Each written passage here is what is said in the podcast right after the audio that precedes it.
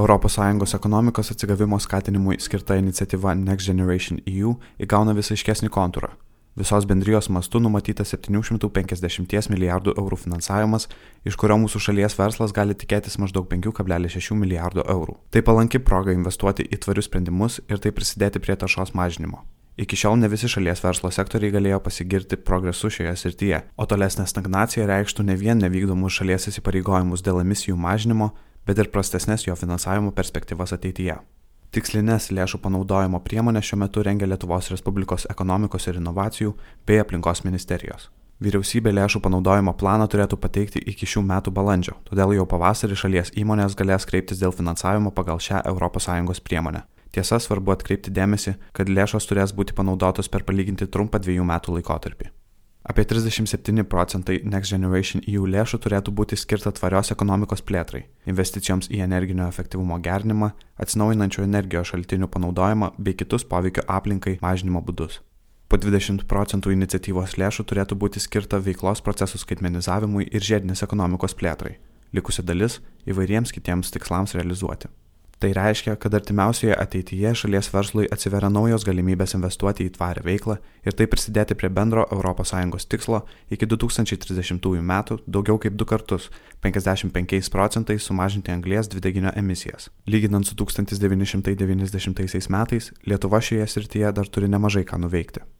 Remiantis aplinkos ministerijos skaičiavimais, Lietuvoje per metus į atmosferą išmetama virš 20 milijonų tonų šiltnamio efektą sukeliančių dujų. Šis kiekis vis dar didėja ir naujausi duomenys rodo, kad 2019 metais, palyginti su ankstesniais metais, jis išaugo apie 1 procentą.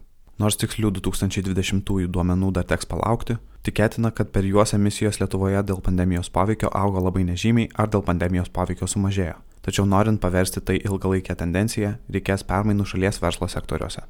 Didžiausią dalį emisijų Lietuvoje sudaro transporto sektorius. Jis sugeneruoja daugiau kaip 30 procentų visų anglės dvideginio emisijų. Skaičiuojama, kad per pastaruosius 15 metų šio sektoriaus emisijos išaugo 49 procentais. Antroje vietoje yra energetikos sektorius, sugeneruojantis 27,5 procentų emisijų. Trečioje vietoje - žemės ūkio sektorius - 21 procentas. Ketvirtoje vietoje yra pramonė, atsakinga už maždaug 17 procentų emisijų dalį. Visgi per pastarąjį dešimtmetį šalies pramonė padarė nemažą pažangą mažindama emisijų kiekį.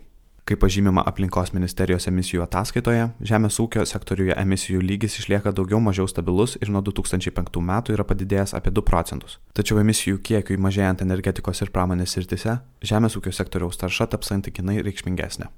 Energetikos ir pramonės sektoriuose permainos jau prasidėjusios. Investicijos į atsinaujinančius išteklius ir efektyvesnius gamybos būdus čia nebėra naujiena. Šiems sektoriams siekiant išlikti konkurencingais Europos mastu ir toliau reikės investuoti į su tvarumu susijusius sprendimus. Tuo metu transporto ir žemės ūkio sektoriams artimiausioje ateityje teks rasti būdų, kaip mažinti emisijas ir investuoti į tvaresnę veiklą užtikrinančius sprendimus. Investicijos šiuose sektoriuose gali lemti didžiausią poveikį siekiant emisijų mažinimo tikslų visos šalies mastu. Next Generation EU turėtų tapti gera proga įvairiuose sektoriuose veikiantiems verslams išsikelti ambicingus tvarumo tikslus ir investuoti į būdus jiems pasiekti. Tačiau tai nėra vienintelė priežastis šalies verslui rinktis didesnio tvarumo kryptį. Pavyzdžiui, Svetbank, kaip ir kiti finansų rinkos dalyviai, savo veiklą vis tvirčiau grindžia darnaus vystimosi tikslais. Suteikiant finansavimą verslo klientams norima paskatinti pokytį investuoti į naujas technologijas, naudoti energiją iš atsinaujinančių resursų ar mažinti jau minėtas anglės dvideginio emisijas. Dėl šios priežasties tvarumo kriterijai yra įtraukti į standartinę verslo vertinimo analizę, o esamų ir būsimų klientų vis dažniau prašoma pasidalinti ilgalaikiu veiklos tvarumo planu. Numatytas kelių milijardų eurų finansavimas žaliai ekonomikai paskatinti - tai unikali galimybė šalies įmonėms įgyvendinti su tvarumu susijusius tikslus, sumažinti dėl klimato kaitos kylančias rizikas bei sustiprinti savo poziciją rinkoje. Dvėjoti laiko nebelieka, Pandemiją įveikusios vakarų valstybės atsisuks į klimato kaitos problemas ir kitus darniam vystimui įsikylančius iššūkius ir verslas nebeturės galimybės likti pasyvių stebėtojų nuo šalyje. Komentarą paruošė Svetbank verslo klientų tarnybos vadovas Antanas Agatauskas. Įgarsino Kristijonas Vaičiukauskas.